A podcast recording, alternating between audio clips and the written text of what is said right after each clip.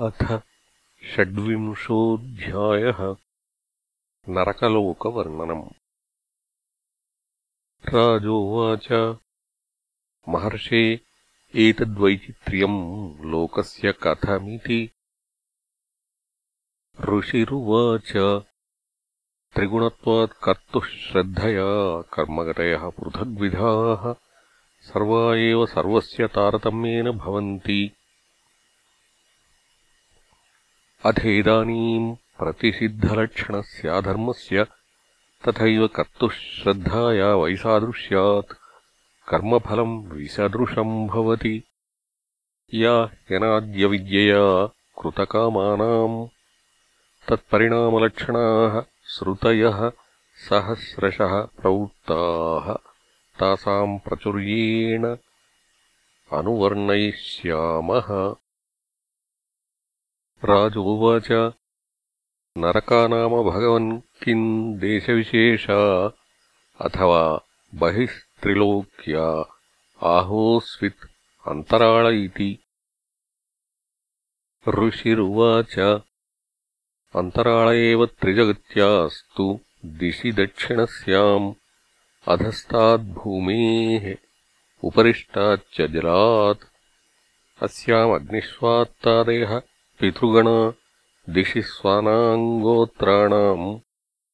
परमेण समाधिना सत्या एवाशिष आशासाना निवसन्ति। यत्र ह वाव भगवान् पितृराजो वैवस्वतः स्वविषयम् प्रापितेषु स्वपुरुषैर्जन्तुषु सम्परेतेषु यथा कर्मावद्यम् दोषमेवानुल्लङ्घितभगवच्छासनः सगणो दमन्धारयति तत्र हैके नरकानेकविंशतिम् गणयन्ति। अथ तांस्ते राजन् नामरूपलक्षणतो अनुक्रमिष्यामः।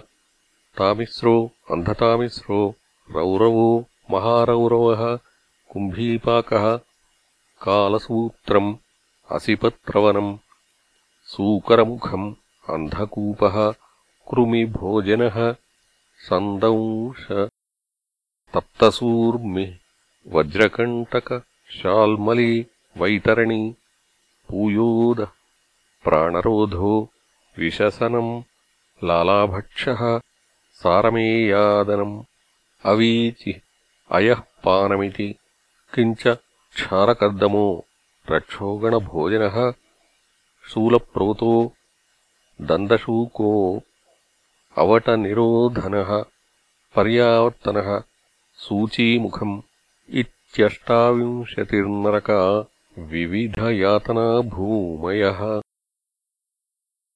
तत्र यस्तु परवित्तापत्यकलत्राण्यपहरति स हि कालपाशबद्धो यमपुरुषैरतिभयानकैः तामिस्रनरके बलान्निपात्यते। अनशन అనుదపాన దండతాడన సంతర్జనాది యాతనాభిः జంతుర్యత్ర కష్మలమాసాదిత ఏకదైవమూర్ఛాముపయాతి తామిస్రప్రాయే ఏవమేవాంధతామిశ్రే యస్తు వంచయిత్వా పురుషం దారాదీనుపయుంక్తే యత్ర శరీరీ నిపాత్యమానో యాతనాస్థో వేదనయా नष्टमतिर्नष्टदृष्टिश्च भवति। यथा वनस्पतिः पृष्ट्यमानमूलः तस्मादन्धतामिश्रम् तमुपदिशन्ति। यस्त्विह वा एतदहमिति ममेदमिति। भूतद्रोहेण केवलम् स्वकुटुम्बमेवानुदिनम् प्रपुष्णाति। स तदिह विहाय स्वयमेव तदशुभेन रौरवे निपतति ये त्विह यथैवामुना विहिंसिताः जन्तवः परत्र यमयातनामुपगतम्। ते एव रुरवो भूत्वा तथा तमेव विहिंसन्ति। तस्माद्रौरवमित्याहुः रुरुरिति सर्पादतिक्रूरसत्त्वस्यापदेशः। एवमेव महारौरवो यत्र निपतितम् पुरुषम् क्रव्यादानामरुरवस्तम् क्रव्येण घातयन्ति। यः केवलम् देहम् भरः यस्त्विह वा उग्रः पशून् पक्षिणो वा प्राणतः उपरन्धयति। तमपकरुणम् पुरुषादैरपि विगर्हितममुत्र यमानुचराः कुम्भीपाके तप्ततैले उपरन्धयन्ति। यस्त्विह पितृ विप्र ब्रह्मधृक् स कालसूत्रसंज्ञके नरके अयुतयोजनपरिमण्डले ताम्रमये तप्तखले उपर्यधस्तात् अग्न्यर्काभ्यामभितप्यमाने अभिनिवेशितः। क्षुत्पिपासाभ्याम् च दह्यमानान्तर्बहिः अस्ते। शेते, चेष्टते, अवतिष्ठति परिधावति च। यावन्ति पशुरोमाणि तावद्वर्षसहस्राणि यस्त्विह वै निजवेदपथादनापद्यपगतः पाषण्डम् सोपगतस्तमसि पत्रवनम् प्रवेश्य कषया प्रहरन्ति। तत्र ह असौ इतस्ततो धावमान उभयतो धारैः तालवनासिपत्रैः छिद्यमानसर्वाङ्गो हा हतोऽस्मीति परमया वेदनया मूर्च्छितः। पदे पदे निपतति। स्वधर्मः पाषण्डानुगतम् फलम् भुङ्क्ते। यस्त्विह वै राजा राजपुरुषो वा दण्ड्ये दण्डम् प्रणयति। ब्राह्मणे वा शरीरदण्डम्। स पापीयान् नरके अमुत्रसूकरमुखे निपतति तत्रातिबलैः विनिष्पिष्यमाणावयवो यथैवेहेक्षुखण्ड आर्तस्वरेण स्वनयन् क्वचिन्मूर्च्छितः कष्मलमुपगतो यथैवेहादृष्टदोषाः उपरुद्धाः। यस्त्विह वै भूतानामीश्वरोपकल्पितवृत्तीनाम् अविविक्तपरव्यथानाम् स्वयम् पुरुषोपकल्पितवृत्तिः विविक्तपरव्यथो व्यथामाचरति। स परत्रान्धकूपे तदभिद्रोहेण निपतति।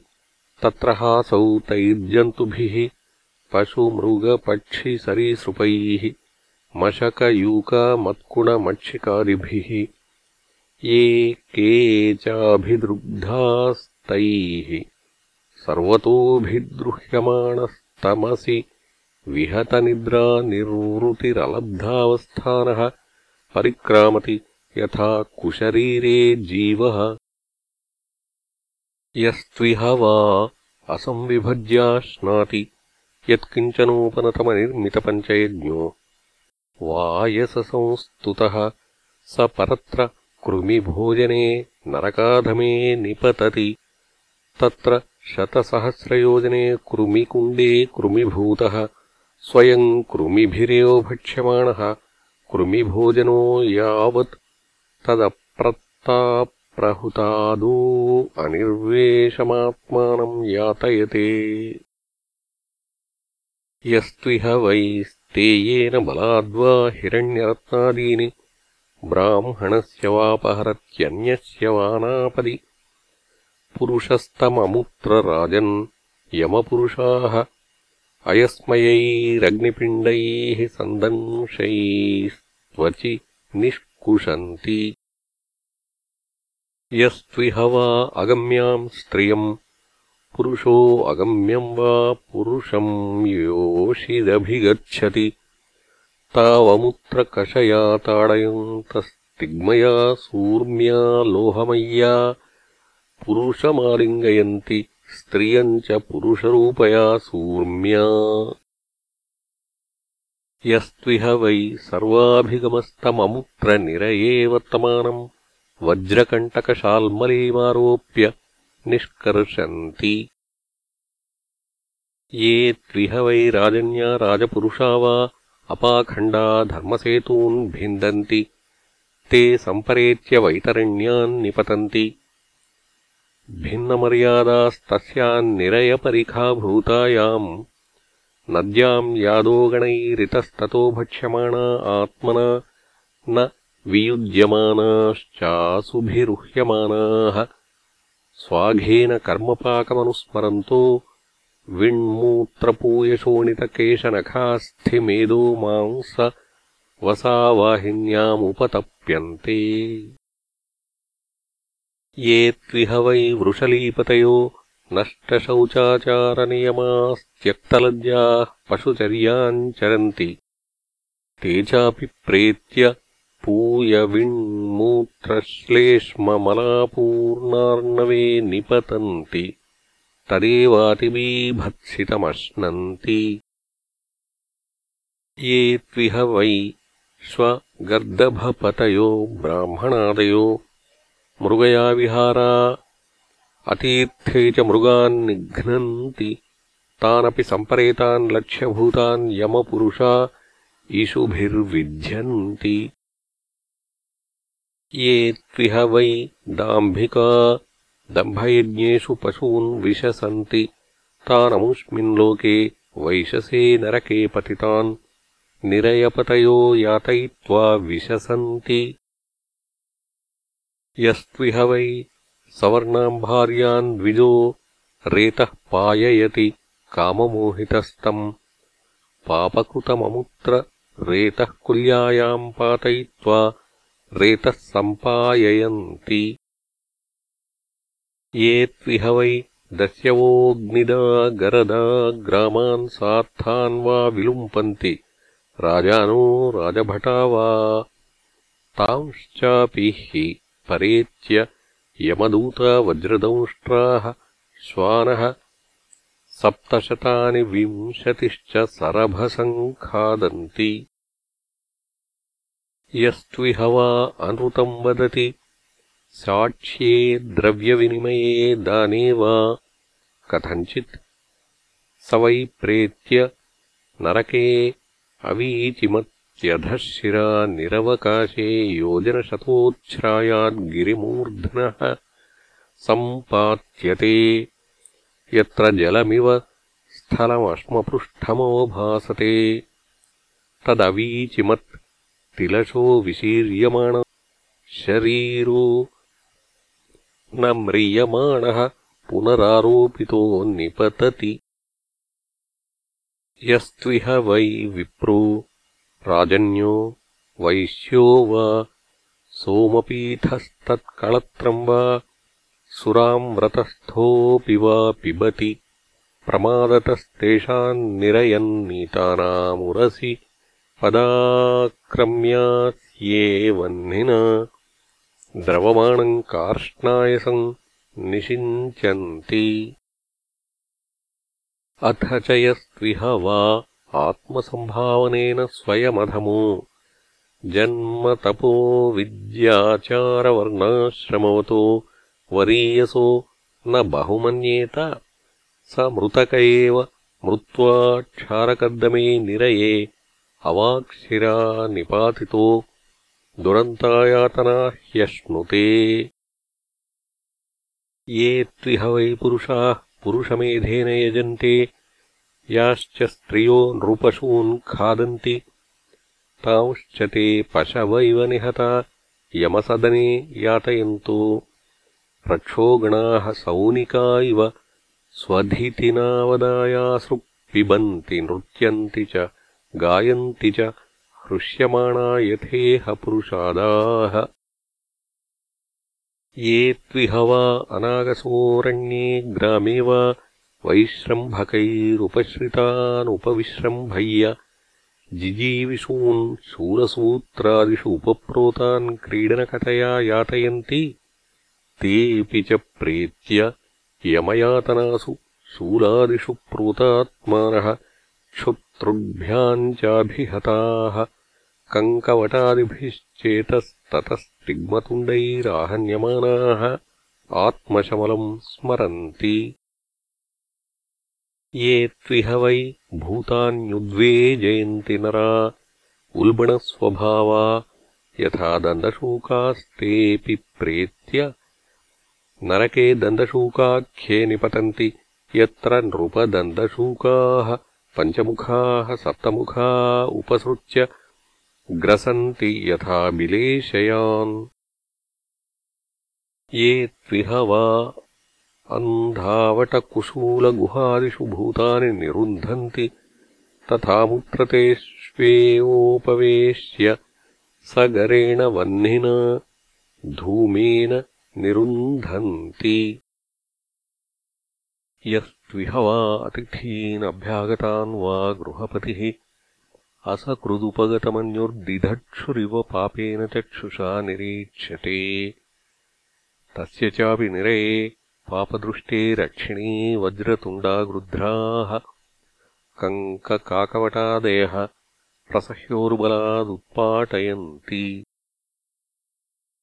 यस्त्विह वा आढ्याभिमतिरहङ्कृतिः तिर्यक्प्रेक्षणः सर्वतोऽभिविशङ्की अर्थव्ययविनाशचिन्तया परिशुष्यमाणहृदयवदनो निर्वृतिमनवगतो ग्रह इवार्थमभिरक्षति स चापि प्रेत्य तदुत्पादनोत्कर्षणसंरक्षणशमलग्रहः सूचीमुखे नरके निपतति।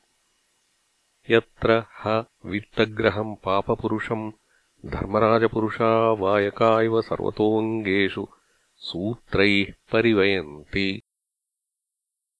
एवंविधा नरका यमालये सन्ति शतशः सहस्रशस्तेषु सर्वेषु च सर्व एवाधर्मवर्तिनो ये केचिदिभोदिता अनुदिताश्चावनिपते पर्यायेण विशन्ति तथैव धर्मानुवर्तिन इतरत्र इह तु पुनर्भवे ते उभयशेषाभ्याम् निविशन्ति